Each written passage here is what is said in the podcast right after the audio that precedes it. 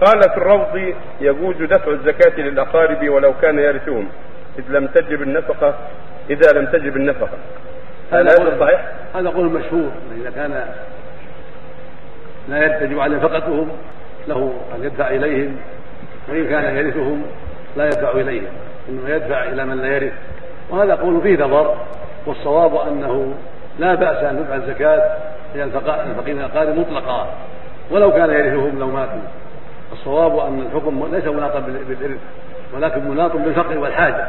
فإذا كان القريب محتاجا يعطى يعطى من الزكاة وتكون صدقة وصلة إلا الوالد والولد الفرع والأصل.